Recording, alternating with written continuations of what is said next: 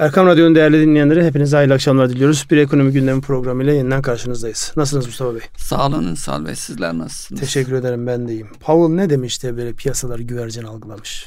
Önce ee, Powell kim onu söylerseniz. Faiz artışlarında yavaşlama olacak Hı. demiş. Ne kadar e, şey bir e, cümle aslında bakıldığında artacak ama yavaşlayacak diye. Evet. E, ince ayar mı diyoruz artık onlara? Ya işte burada batıda özellikle merkez bankalarının ki Fed merkez bankası değil yani özel e, sektöre ait olup ama e, Amerikan devletinin para basmasına karar veren bütün ekonomik kararlarına e, temelini oluşturan bir kurum onun başındaki kişinin yapmış olduğu açıklama. Sözlü yönlendirme merkez bankacılığında çok değerli bir unsur. Daha doğrusu sadece merkez bankacılığında değil. Piyasaları yönlendiren, o güce sahip, o otoriteye sahip olan insanların sözlü yönlendirmeleri e, sonuç vermek açısından doğrudan müdahale etmekten birçok e, durumlarda daha etkili olabiliyor. Dolayısıyla Powell'ın söylemiş olduğu bu da ifade itibariyle güvercin tabiri. Güvercin nedir? İşte yıkacağız, kıracağız, edeceğiz değil. Daha böyle politik, daha yumuşak açıklamaların yapılmasına güvercin açıklama deniyor. Dolayısıyla onun e, konuşmasından sonra e, Amerika tarafı biraz rahatladı. Dünya piyasası rahatladı daha doğrusu. E, o konuda herhangi bir e, gelişme olur mu bilmiyoruz ama dediğiniz gibi faiz artışlarının yavaşlatılması gibi bir başlık piyasalarda oldukça e, pozitif algılandı. Ve zaten son dönemde e, sermaye piyasalarında çok ciddi bir hareketlenme vardı. Dünyada da Türkiye'de de sermaye piyasasındaki hareketlenme bütün coşkusuyla devam ediyor. Piyasalar e, kripto paralardan ıı, döndü sermaye piyasalarının hareketliliğine ve buradaki hareketlerde oldukça sert ve etkileyici hareketler oluyor. Devam edelim isterseniz. Ee, Avrupa Merkez Bankası e, Başkanı Lagarde'ın da bir açıklaması var. O da e, aynı şekilde tüm dünya olduğu gibi onlar da dolara ve oradaki e, Fed'in faizlerine odaklanmış durumda. İfadesinde biz gelişmekte olan ülkeler kadar etkilenmeyeceğiz diyor ama onlar da etkileneceklerinin bilincinde. E, dolayısıyla oradaki gelişmelere göre hareket ediyorlar. Ama söylediği önemli bir şey var. Sadece para politikası değil, maliye politikalarıyla birlikte bunu sürdürmemiz, e, sürdürmek zorundayız diye onun altını çiziyor. Maliye politikaları dediğimiz zaman da Avrupa toplumunu düşünürsek ülkelerin farklı politikalarının işte Merkez Bankası, Avrupa Merkez Bankası politikalarıyla uyumlu e, yürütülmesi e, şeyi var, beklentisi. Ancak orada da ülkelerin farklı e, dinamikleri olduğu için nasıl uzlaşılır, nasıl bir yol izleyecekler. Çünkü asıl bizi etkiler Avrupa'daki eğer bir durgunluk olacak olursa, derinleşecek olursa en büyük ticaret ortaklarımız ortaklarımız orada. Şimdi orada sanki bir e, tedbir alma yönünde bir canlanma, bir hareketlilik var. Özellikle Merkez Bankası'nın, Avrupa Merkez Bankası'nın almış olduğu kararların sonucunda daha önceden dengesi e, dolar lehine bozulmuş euro dolar paritesinde e, euro lehine bir hareketlenme var. Oradaki dengeyi biliyorsunuz. Yani daha önceden e, birin altına inmişken euro dolar paritesi şu an 1.05'ler seviyesinde. Evet. Şimdi iki tane temel başlık var. Ona değinerek geçelim. Bir tanesi Çin'de artan Covid vakaları ve bunun getireceği tedarik zincirinde acaba bir bozulma olur mu diye bu konuşuluyor. Fakat öbür taraftan baktığınızda eee çok net bir yansıması yok. Navulun fiyatlarında geri çekilme devam ediyor. Dolayısıyla tedarik zincirindeki yavaşlamanın en e, temel şeyi e, navulun fiyatları bu bir gösterge. O anlamda baktığımızda navulun fiyatlarının geri çekilmesi şimdilik tedarik zinciriyle alakalı olumsuz bir şeyin olmadığını gösteriyor. Öbür taraftan da enteresan bir gelişme e, Amerika'nın Biden üzerinden Putin'e savaşı bitir e, mesajı. Çünkü son dönemde şöyle bir şey yaşandı ya da son dönemde değil aslında başından itibaren o vardı ama son dönemde iyice anlaşıldı. Ee, Amerika'nın ve batılı ülkelerin Rusya'ya uygulamış olduğu ambargonun e, işe yaradığı tek şey Çin'in daha da büyümesi. Evet. Yani e, Çin ve Hindistan petrol üreten ülkeler değil. Ama şu an dünyada Çin petrolü ve Hint petrolü diyebileceğimiz aslında özünde Rus petrolü olan ve çok ciddi bir şekilde kendilerine bir e, pay ayırdıkları, onun üzerinden de dünyaya sattıkları bir yöntem var. Dolayısıyla bu ambargolar, uygulanan bu tedbirler eskisi gibi değil artık. Yani eskiden işte iki kutupluydu. Birisi birisini gözden çıkardığı zaman öbürünün desteği oldu. Şu an özellikle e, ülkelerin kendi öz bireysel çıkarları, ülke bazında bireysel çıkarları o kadar ön plana geldi ki makro anlamda burada evet bu grubun içerisindeyim diyorsunuz ama bir tarafta kendi çıkarlarınız farklı bir şey gerektiriyorsa ona yönelik davranıyorsunuz. Kaldı ki Türkiye'nin mesela NATO içerisinde olup ama e, uygulanan ambargoların tamamının neredeyse Türkiye'yi bir anlamda dövmek üzerine kurgulandığı bir yapıdan bahsediyoruz. Dolayısıyla o mesela çok önemli bir gelişmeydi benim açımdan. Yani e, Biden'ın Putin'e savaşı bitir, daha fazla uzatma, işte bir yerde anlaş şeklindeki mesajları. Bunları hem Çin'deki bu e, korona vakası hem Biden'ın savaş bitir şeyi önümüzdeki yıl 2023'te farklı gündemleri mi tartışacağız gibi anlaşılmak anlaşılması gerekiyor. E, bu e, önemli bir gelişme. E, savaşı bitirmek için görüşürüm dedi aslında. Hı hı. Bu e, olan e, neticede Ukrayna'ya olduğu gibi bir şey var. Yani e, savaşı bitir dediği zaman Rusya şu anda ilhak ettiği bölgeleri terk et çık anlamına gelmeyeceğini herkes biliyor. Bu da böyle bir yaklaşım e, Amerika'nın artık belli bir şeye razı Ukrayna'ya da bir yerde çizgiyi çekmesi yönünde. Zaten şu e, e, iklim açısından da e, özellikle e, Rusya'dan, Sibirya'dan e, gelecek bir soğuk hava dalgasının tüm e, Avrupa'yı donduracağına yönelik bir e, şey var. Hatta Ruslar bilerek mi yapmışlar? Ekonomistin e, manş şeyi kapak şeyi de e, gördünüz mü bilmiyorum. Yok görmedim. Tüm Avrupa'yı ama Türkiye'yi de dahil tamamen buzla kaplı bir şekilde gösteriyor. Halbuki bizim gazımız, suyumuz bir endişe yok. Bizi de dahil etmişler. Ee, buradaki en büyük sıkıntıyı Ukrayna çekecek. Çünkü elektrik sistemi çökmüş, gaz sistemi çökmüş. Bu insanlar kışı nasıl geçirecek?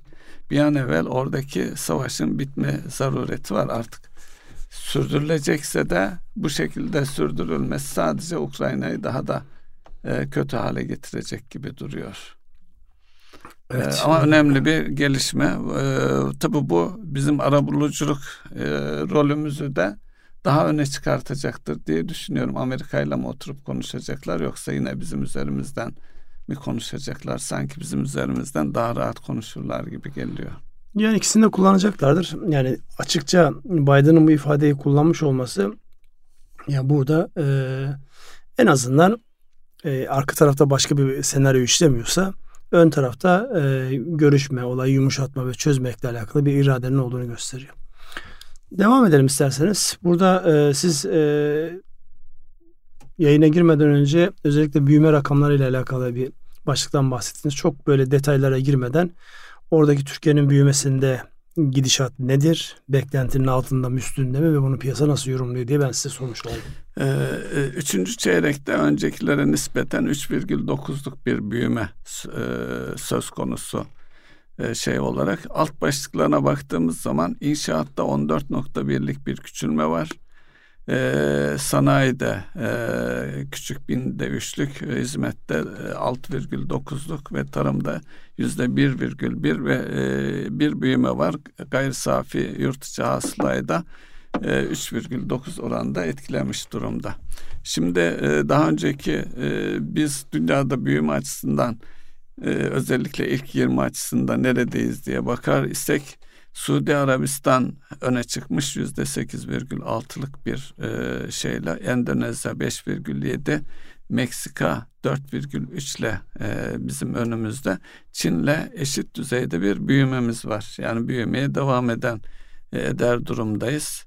E, burada belki altını çizeceğimiz şey e, gayri safi yurt cihazla e, ücretlerin yani ücretli kesimin aldığı pay 26,3 bu daha önceki yıllarda daha yüksekti. Bunun enflasyonist enflasyonun e, etkilerden burada net olarak yansıdığını görüyoruz. E, yine e, detaylara baktığımız zaman e, hane halkında e, artış var. Bu yani tüketime yönelik yüzde on seviyesinde bir artışa tekabül ediyor. Ee, burada da büyük altını çizeceğimiz bir diğer hususta yüzde 9,6 seviyesinde stoklarda bir azalma var.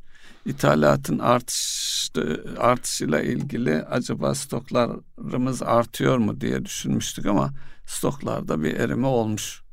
Evet. E, detay yine detayda inşaat tarafında yüzde on dokuz virgül dokuzluk bir küçülme ve e, makine yatırımlarında da 14,3'lük yatırım açısından bakarsak büyüme e, devam ediyor. E, büyüme ile ilgili e, söyleyeceklerimiz e, başka detayda olabilir. E, büyüme e, özellikle istihdam, işsizlik açısından önemli bir husus. E, siz neler eklemek istersiniz? Şimdi ben siz bunu söylerken e, dünyadaki yayınlanan son rakamlara baktığımda aslında büyüme açısından e, Rusya haricinde bütün ekonomilerde bir büyüme var. Yani son çeyrekteki büyümeye de baktığımızda Rusya haricinde eksi olarak bir Hollanda'da eksiği gördüm ben. İşte Türkiye'deki o minik e, eksiği gördüm. Onun haricinde baktığınızda ekonomiler genel anlamda büyüyor. Bir de Hindistan'da şimdi fark ettim. Hindistan'da da 1.4'lük bir geriye çekilme var. Şimdi bizim ana para, pazarımıza baktığımızda Avrupa'ya baktığımızda önemli bir pazar olarak 0.20'lik bir büyüme var. Yani bu söylendiği gibi işte resesyona girdi, bunun yansımaları oldu. Belki daha büyük bir beklenti vardı büyüme rakamlarıyla alakalı ama baktığımızda şu an en azından geri çekilmenin olmadığını, e, sıfırın üzerinde bir büyümenin olduğunu görüyoruz. Bu dikkatle izlenmesi gereken bir başlık. E, krediye paraya ulaşmakta zorluk yaşandı e, konuşuluyor daha önceki programlarda. Türkiye için söylüyorsunuz Türkiye için evet. dola, doğal olarak e, büyümeyi etkileyen unsurlardan bir tanesi de krediye erişimin zorluğudur diye e, bilir miyiz? Çok net söyleyebiliriz onu. Çünkü şu an özellikle işletmelerin yani ihtiyaçlarını karşılamak için daha önceki limitlerini muhafaza etme. Ama bir tarafta biliyorsunuz e, girdi maliyetleri çok ciddi arttı. İşletme sermayesi ihtiyacı arttı. Limitlerin aynı kalması ya da piyasadaki fiyat artışlarını paralel bir şekilde atmıyor olması bu anlamda baktığımızda krediye erişimin ve büyümedeki e, en önemli unsur olan kaynak girişinin e, olumsuz etkilendiğini görüyoruz. Dolayısıyla bu aslında son çeyrekte biraz daha da belirgin hissedilecek. Çünkü bugünler tam da öyle günler. Onları fazlasıyla konuşacağımız zaman. Şimdi burada e, kaynağa ulaşma ile alakalı konuşmuşken e, bir başlığa geçelim. Çünkü bu hafta içerisinde çok fazla konuşuldu. Şu an en aktif olarak kaynağa ulaşma yolu sermaye piyasaları. Borsa. Hisse senetlerini e, halka açmış olan şirketler açısından e, cazibe devam ediyor, ilgi devam ediyor. Çünkü alternatif getirisi olan e, yani ister mevduat olsun bu, ister devletin vermiş olduğu hazine bonosu devlet tahvilinde olan aktarımlar olsun ya da altın döviz bazında baktığımızda şu an borsanın sağlamış olduğu hareketlilik hiçbir tarafta yok. Bu da yatırımcı sayısını inanılmaz arttırıyor. Yani daha önceden bir dönemde küsmüş e, ya da girmiş e, umduğunu bulamamış insanların tekrar borsaya bir dönüş sağladığını görüyoruz. Şimdi bu hafta içerisinde en çok tartışılan mevzu birkaç tane e, hızlı hareket etmiş, yüksek e, fiyat performansı göstermiş şirketlerin sahiplerinin işte attıkları tweetler, yaptıkları açıklamalar çokça tartışıldı. Dün e, sermaye piyasası, e, piyasası e, kurumları birliğinin bir toplantısı vardı. Ben de sabah ilk seansa katıldım oranın. Dolayısıyla orada görmüş olduğum şey şu. Arkasından da zaten SPK Başkanı'nın bir açıklaması geldi. Dedi ki halka açık olan şirketlerin sahiplerinin bu şekilde açıklamalar yapması çok uygun görmüyoruz. Hatta bu açıklamalardan bir kısmında yani verilen fiyata biz bu kadar fiyatın yukarı gitmesine razı değiliz. Öbürü işte şunu diyor daha ne ki yaptığımız yatırımlar daha yani borsacı ifadesiyle fiyat kazanç, defter değer işte bilmem ne yani rasyoları söyleyerek borsacıların çokça kullandığı ifadelerle daha onlara yansımadı. Bilgilendirme. Onlar, onlara gel, yansısın siz o zaman görürsünüz bizim şirketin neler yaptığını falan. Ben böyle garip normal şartlarda yani manipülatif denebilecek yani adına ne derseniz deyin. Bu şekilde açıklamalar bu kadar rahat yapılıyor olması çok enteresan geldi. Zaten insanların kafası karışık. Zaten finansal okur yazarlık konusunda çok parlak bir e, karnemiz yok. O varken bir de insanların böyle e, gelecekte insanların fikrini etkileyecek açıklamalar yapıyor olması çok ilginç geldi. Onunla alakalı SPK önümüzdeki günlerde herhalde daha farklı tedbirler alacaktır. Ee, inceleme başlatılacağını bahsetmiş. Peki e, nasıl bir duruş sergilemeli e, halka açık şirketler e, siz daha önce de e, tamamen halka açık şirketlerin başındaydınız Ünsal Bey. Şimdi burada bir kere e, bir yere kadar şirketin e, sorumluluğu ya da fiyatla ilgisi var. O neresi? Halka açıldığınız güne kadar. Halka açıldınız siz hissenizi sattınız. Ondan sonraki fiyat hareketleriyle sizin doğrudan bir bağlantınız yok. Ne zamana kadar? Eğer ikinci bir halka arz yapmayacaksanız ya da ortak oluşan fiyatlardan yeni satışları yaparak e, şirketteki payını düşürmeyecekse normalde baktığınızda şirket sahiplerinin o hisselerin fiyatlarıyla çok ilgilenmiyor olması icap eder. Çünkü onlara lazım gelen ilk kaynaktı. Ee, onun için zaten IPO'nun İngilizce açımına baktığınızda ilk ha- halka arz, ilk sunum.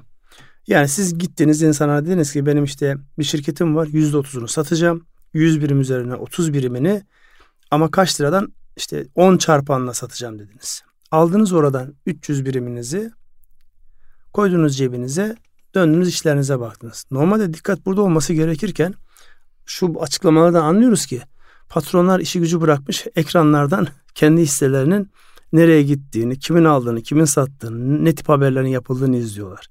Burada bir kere bir sıkıntı var.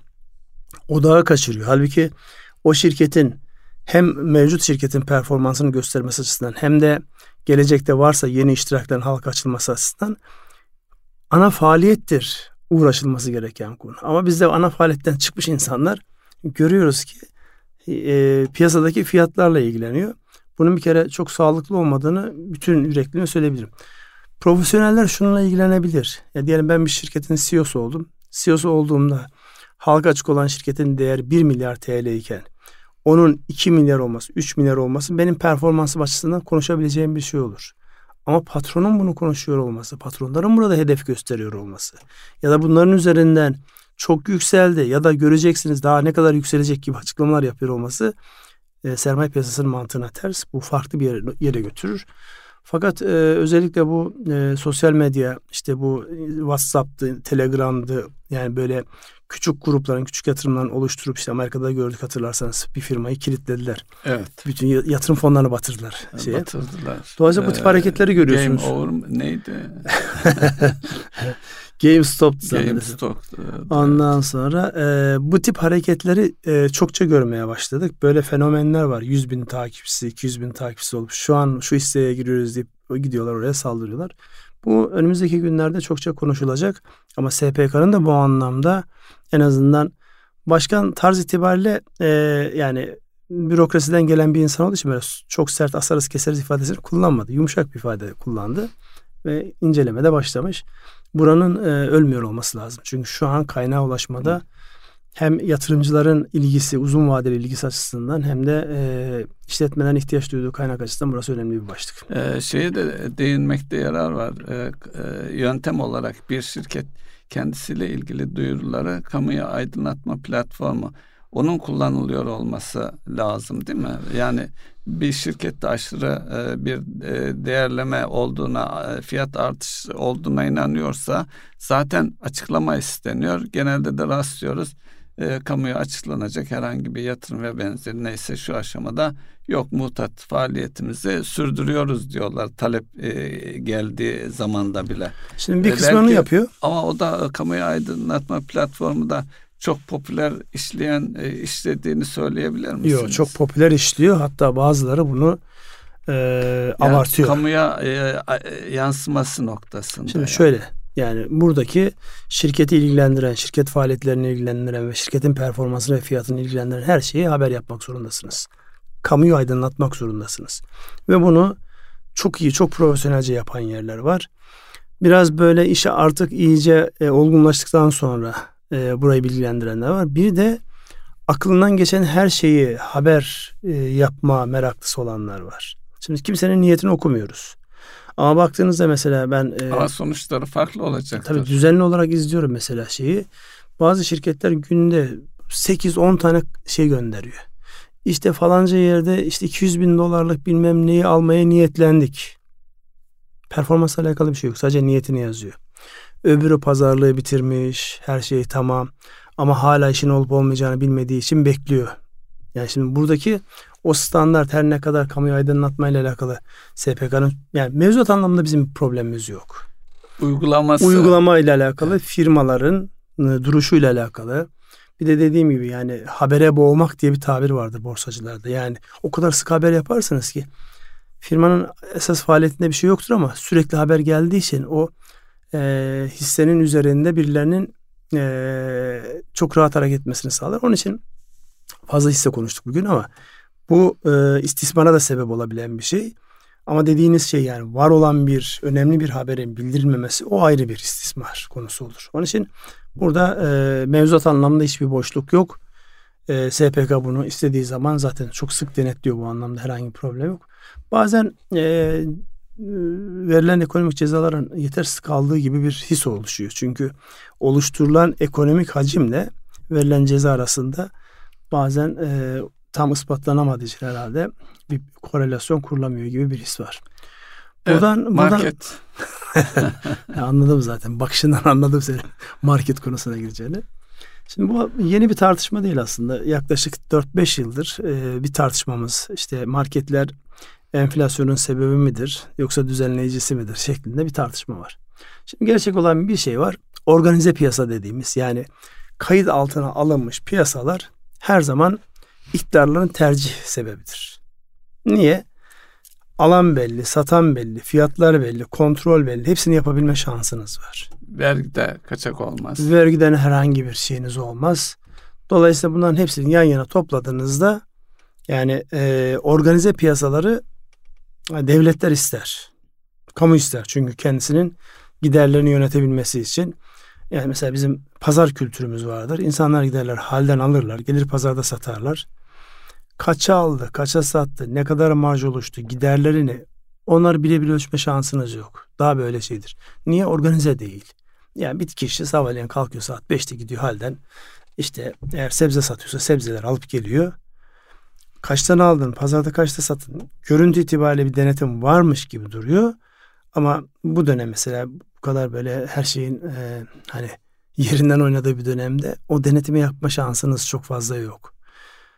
Ama marketler bu anlamda daha rahatlıkla hareket edebileceğiniz bir yerler.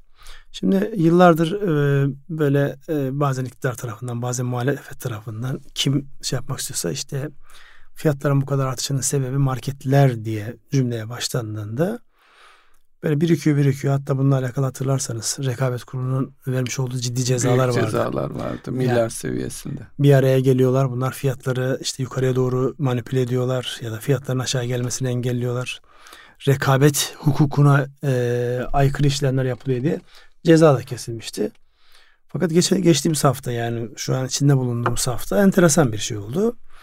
Yani e, birkaç yerden yine böyle fiyatların artışında marketlerin e, ne derler ölçüsüz davrandığı ile alakalı açıklama yapınca bir temsilci çıktı. Yani bugüne kadar görülmemiş bir şekilde e, ağzına geleni söyledi. Evet. Biz şimdi onu tartışıyoruz. Yani insanlar e, şeyi unuttu artık. Söylenenleri, neyin söylendiği, niye söylendiği unutuldu. Orada söylenen şey işte terör örgütleriyle ilişkilendirme, onların ağzını kullanma, işte bilmem ne karşılıklı çok ağır ithamlar var. Ve biz bunu niye tartışıyorduk sorusu gitti ortadan. Yani biz neyi tartışıyorduk? Şu an fiyat artışlarında organize yapıların etkisi mi var? Onların iddiası şu. Açıklamayı yapan e, şirketin temsilcisi diyor ki bizim kar marjımız üçler dörtler seviyesinde. Kontrol edin bu anlamda baktığınızda yani bizim enflasyonu coşturan değil tam tersine e, dengeleyen bir yapımızın olduğunu göreceksiniz iddiasıyla yola çıkıyor. Ama sonrasında arkasından söylemiş olduğu özellikle böyle yani açıklama yapanları hedefleyerek söylemiş evet. olduğu şeyler tabii çok e, sert yani e, iş dünyasında çok alışık olmadığımız bir tarz.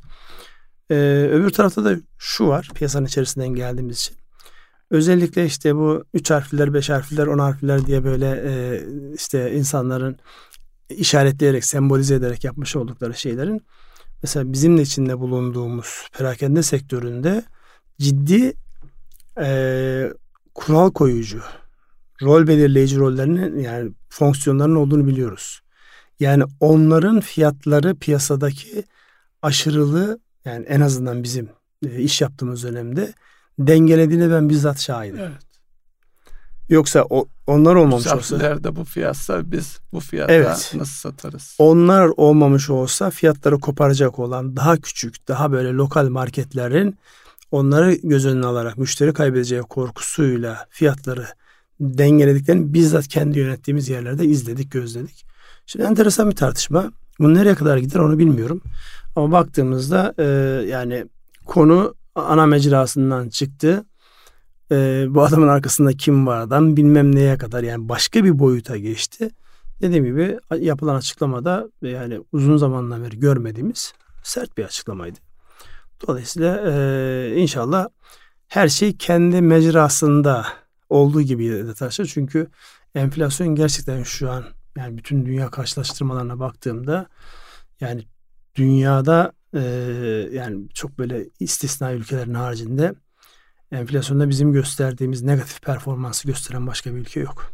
Şu da var. E, yani Batı ülkelerine baktığımız zaman organize parayken denen e, oranı yüzde doksanların üzerinde. Ama biz hala o seviyelere gelmiş değiliz. Yani daha da gidecek yol var. Tabi oradaki eleştiriler e, çok sayıda mağazanın olması e, yani diğer esnafa hareket alanı kalmadığı gibi bir eleştiri var. Ancak o sözünü ettiğiniz e, şirket temsilcisinin ifadesinde de e, net olarak e, bir başka temsilciye hitaben siz bugüne kadar dönüp kendi tarafınızı geliştirecek ne yaptınız gibi bir çok güçlü ve önemli bir soru sordu. Yani bugün de bakalım e, zincir marketler dışında hangi şeye girersek e, birçok problemle karşı karşıyayız. Başta hijyen Evet. Ee, yani gerçekten ha yani standart olmayışı e, ciddi bir ve sıkıntı. bakıyorsunuz üzerinde et, fiyat etiketi yok. Neticede alacaksınız. Adam ne derse ödeyip çıkmak zorundasınız. Diğerinde fiyatı karşılaştırabiliyorsunuz. Diğer marketlerle karşılaştırabiliyorsunuz. Çünkü zincir market dediğimiz zaman müşteri segmentine göre de ayrılmışlar var. Yani e, sadece üç harfler değil çok harflere de baktığımız zaman her gelir grubuna hitap eden ayrı marketler var. Burada hangisini esas alacaksınız?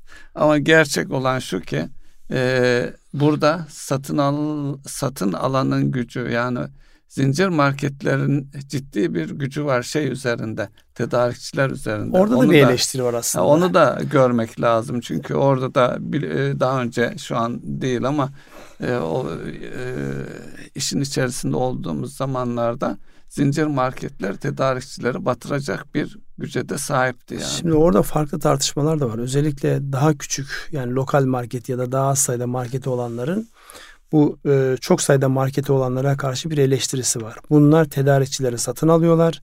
Dolayısıyla her anlamda bizi sıkıştırıyorlar. Şimdi burada şuna bakmak icap eder. Yani biz e, sokaktaki vatandaş olarak ben e, en uygun fiyatta nasıl alabiliyorum sorusunun cevabına baktığımda e, şu an tercih noktasında ben kimi tercih ediyorum? Yani adam arka tarafta tedarikçileri kar marjını daraltmış, onları bilmem ne yapmış. O beni çok fazla şu an ilgilendirmiyor. Sokaktaki insanım ben. Ben neye bakıyorum? Fiyat itibariyle hangisinden daha uygun alabiliyorum? Şimdi eğer siz rekabette arka tarafta onu e, yapacak farklı bir argüman geliştirmemişseniz, bir güç birlikteliği oluşturmamışsanız, tedarikçilerini yaşatacak şey oluşturmamışsanız sadece sonuca bakarak bu eleştiri yapmak çok doğru olmayabilir. Ama şu da bir e, realite özellikle bu marketlerde lokaldeki üreticileri korumak adına belli düzenlemeler getirebilir. Yani benim memleketim Ardahan. Gittiğimde eskiden insanlar kendi evlerinde peynirini yaparlardı, işte tereyağısını yapardı. Hiçbir evde şu an e, yok onlar. Köyde de var. Ee, Bunlar bütün marketler, bütün marketler köylerde de var ve biz şehirde yani memleketime gittiğim zaman işte oradaki teyzelerin, ablaların yapmış olduğu peynirden tadayım dersin. Yok öyle bir şey. Gidiyorsun işte bu marketlerden alıyorsun. O zaman ben niye köye gideyim? Ve baktığınızda fiyatlar da farklı değil. Aynı fiyatta. Şimdi İstanbul'daki refah seviyesiyle Ardahan'ın Çıldırın'daki refah seviyesi aynı mı ki? Aynı fiyatlarla satılıyor. Bu mesela ülke açısından da baktığınızda oturup konuşulması gereken çok daha ciddi şeyler var. Asgari ücreti konuşacağız. Orada da e, önemli. Aynı şey tersten Evet, geliyor. evet. Asgari ücret burada da aynı, orada da Orada aynı. da yani. Dolayısıyla mesela bunun mesela bununla alakalı öneriler var. Bölgesel uygulamaları farklılaştırma, güç dengelerini farklı yere. Geçen hafta işte MÜSİAD'ın e, düzenlemiş olduğu bir şeyde Batman'da bir tekstil zirvesi vardı. Ben katılamadım ama katılan e, arkadaşlardan gelen datalara baktığımda Batman'da yani neredeyse büyük şehirlerin yani İstanbul gibi işte İzmir gibi şehirlerin e, tekstildeki e, istihdamı kadar istihdam oluşmuş. 42 bin tane şu an tekstil sektöründe çalışan ve dünyanın sayılı markalarını üretim yapan şirketler çıkmış. Dolayısıyla sessiz sedasız bu tip böyle oluşumlar da var. E, bunun arkasında teşvik politikası var. Onu Teşvik politikası var lazım. ama işte teşvik politikası sadece Batman'da yok ki. Her yerde Her var. yerde var. Dolayısıyla niye Batman sorusunun cevabı özel. Mesela oradaki insanlar çalıştıracak eleman arıyorlar. Yana yakıla çalıştıracak eleman arıyorlar. İşlik anlamında da şey var. Sizinle konuşurken ben bir taraftan da e, şeye baktım. Çok hızlı hızlı konuşuyoruz. Enflasyonda dünyada e, bizim üzerimizde kimler var diye baktığımızda Zimbabwe 255, Lübnan 158, Venezuela 155, Suriye 139, Sudan 102, Arjantin 88 sonra biz geliyoruz. Dolayısıyla bu bize aslında şunu söylüyor. E, önümüzdeki dönemde gerçekten enflasyonla mücadele konusunda yani kimsenin kimseye faturayı kesmeden topluca mücadele etmemiz gereken bir dönemdeyiz. Yani bunu bütün geçmiş zamanlar şunu gösteriyor. Enflasyon toplumun bütün değerlerinin yerini değiştirir. Ahlaki anlamda toplumu çökertir. Dolayısıyla enflasyonun bir an önce aşağı gelmesi gerekir noktasında herkesin bir birlikteliği var. İlave bir şeyiniz var mı marketlerle alakası bir şey? Marketlerle alakalı e, yine herkesi ilgilendirecek bir şey var. E, marketlerin bir talebi var. 25 kuruşluk poşeti 75 kuruşa çıkarmak istiyorlar çarpı. Tam bu e, eleştirilerin üzerine tuz biber olacak bir şey.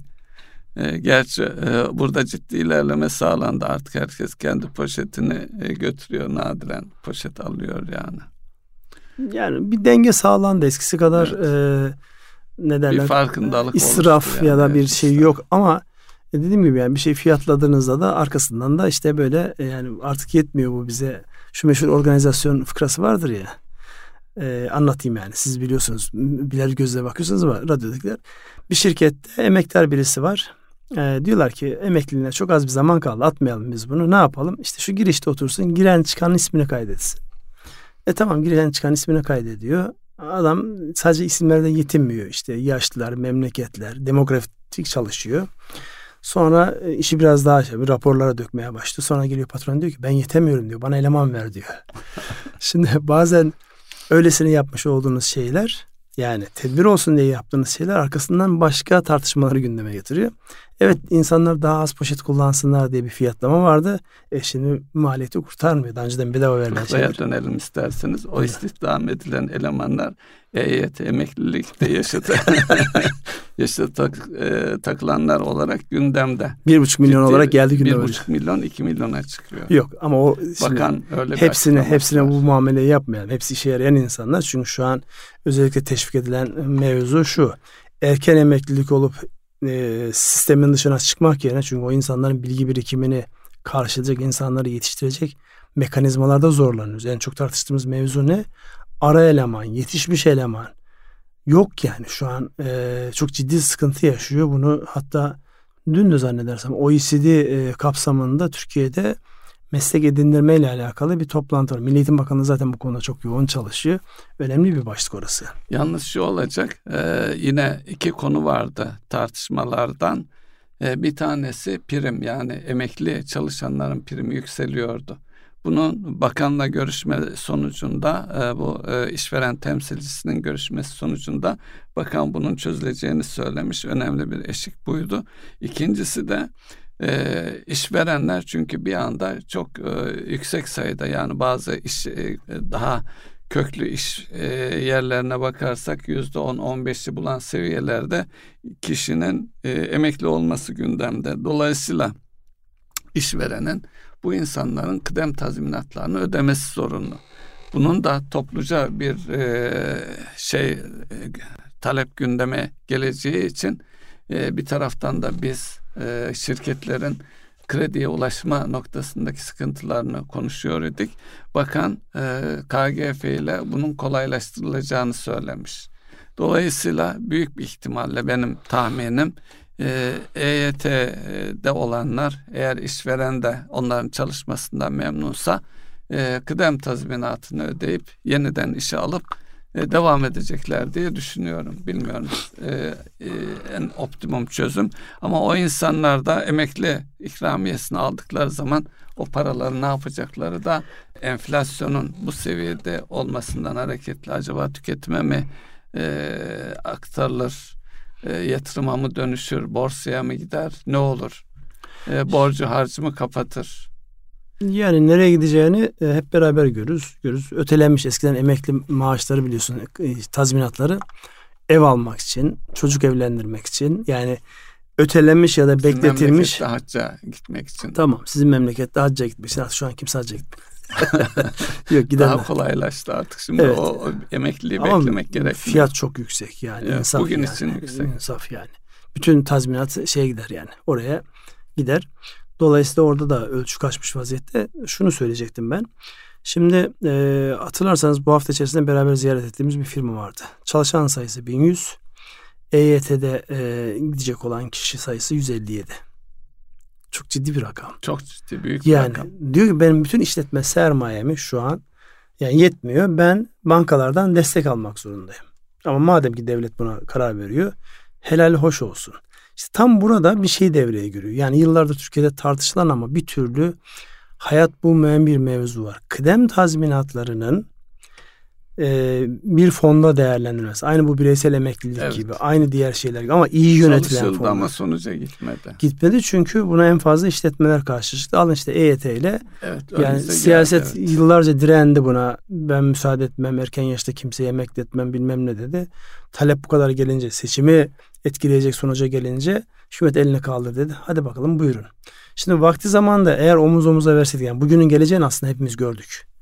Vakti zamanında omuz omuza verip yani o rakamların bir kısmı işte ama kredilerle ama başka yöntemlerle bir fon oluşturulmuş olsaydı insanlar da bu fonların performansına göre emekliliklerini çalıştıkları şirketten değil de fonların performansını şey yapmıştı. Hem sermaye piyasası çok derinleşecekti ki yani bugünlerde mesela Evet. sermaye piyasasında yabancılar olmamasına rağmen fiyatların yukarıya gidiyor olması, iyi performans göstermesinde bireysel emeklilik fonlarının sigorta şirketlerinin oluşturmuş olduğu performansın çok ciddi payı var. Kaldı ki dünkü toplantıda şey de vardı. E, sigorta e, ve emeklilik şirketleri denetleme, düzenleme denetleme kurulu başkanı da vardı. O da kendini şöyle tanımlıyor daha önceki bir konuşmasında. Sermaye piyasalarının derinleşmesinde bizim çok önemli katkımız olur. Çünkü biz uzun vadeli kaynak üretebilen yegane yeriz. Evet. Bunu birlikte değerlendirdiğimizde e, önemli şeyler oluyor olacak. Fakat e, şu bir gerçek. Bugünün çözümü yarına problem olarak gelebiliyor. Geçmişte çözülmemiş olan yani işte bu kıdem tazminatının bir fona bağlanması mevzu ya da işte erken emeklilikle alakalı insanların beklentilerini yükseltilmiş olması şu an sistemden bir kaynak çıkışını, kaynak talebini getiriyor. O kaynak nereye gidecek onu hep beraber göreceğiz ama e, bakanın yapmış olduğu açıklamada buradaki o dengeyi sağlamak açısından. Ama KGF onun karşılığı değil. Doğru. KGF'nin, KGF'nin alakası yok bu konuyla. lazım ama o doğrudan insanlara verilecek o paranın nereye gideceği de Yani onun için yani mesela e, net değil. kavramlar hep birbirine karışmaya başladı. KGF'nin temel şeyi şu. Teminatın yetmediği yerde işletmenin ayakta kalabilmesi için devletin bir anlamda maksimum orada yüzde yedilik bir e, risk öngörülerek yapılan bir şey var. Bir garanti kefalet sistemi. Ama şu an istenen şey öyle işletmelerin ayakta kalmasıyla falan alakalı değil. Doğrudan işletmelerden çıkıp işletmelere dönüşü olmayacak olan Evet. şeylerden bahsediyoruz. Evet, buyurunuz devam ediniz. Ee, evet başlıklarımız e, arasında asgari ücret e, konuşabiliriz. E, Türk için e, bir e, açıklaması var. E, açlık sınırını 7787, yoksulluk sınırında 25364 TL olarak açıklamış durumda. E, gıda endeksiyle e, gıda endeksi 99 e, e, Türk İş'in gıda fiyat endeksi de yüzde 137 seviyelerinde. Şimdi tabii e, asgari ücreti e, belirlerken neticede asgari ücreti ödeyecek e, iş dünyasının da reel sektöründe bu e, rakamı ödenecek rakamı kaldırıp kaldıramaması da önemli şirketin sürdürülebilirliği açısından değilse bu e, istihdamda azalmaya yani işçi çıkarmaya da yol açma riskleri var. E, nasıl bir yol izlenecek en azından e, bu ta, tarihler netleşmiş e, durumda. E, beklentiler sizin e, beklentiniz nedir desem ee, ya benim beklentimden ziyade piyasada nabız tutuyoruz. Yani 8 bin liranın üzeri 8 bin maksimum 8 1500'ün üzerindeki rakam e, piyasanın beklemediği bir şey. İşverenlerin beklemediği evet, bir husus. Işverenler. Yani işveren şunu diyor. Yani evet olsun helal hoş olsun vereyim. İki gerekçeli. Bir bu enflasyon olarak geri dönüyor. Bizim e, hareket alanımız giderek daralıyor. Yani bu zammı yapmış olmamıza rağmen insanlarımız mutlu olmuyor. İkincisi e, dediğim gibi enflasyondan dolayı bu zam alan insanlar yani e, şey gelemiyor. Evet ne güzel işte yüzde kırk yüzde elli bilmem ne zam aldık diye. Onun için ya şu an piyasanın beklentisi maksimum 8 bin lira gibi bir rakamın ortaya konmuş olması. Yeterli mi diyeceksiniz az önce onu konuştuk. Yani siz e, Ardahan'da da aynı asgari ücret uyguluyorsunuz. İstanbul'da da aynı evet. asgari ücret uyguluyorsunuz. Bu açıdan baktığınızda farklılaştırması gereken bir husus var. Fakat zaman dar. Bunun düzenlemesi kolay değil. Eşitlik ilkesinden dolayı e, bu dengeyi sağlamak kolay değil.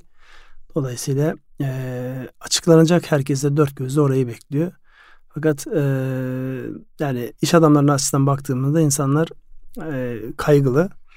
Çalışanlar açısından baktığımızda beklentileri karşılayamayacak diye onlar da kaygılı. Göreceğiz hep beraber. Evet. En zor olan da burada hükümetin işi. Kimseye yaranamayacak. Ne yaparsa yapsın kimseye yaranacak. Çünkü herkesin bir Beklenti. tık üstünde beklentisi var.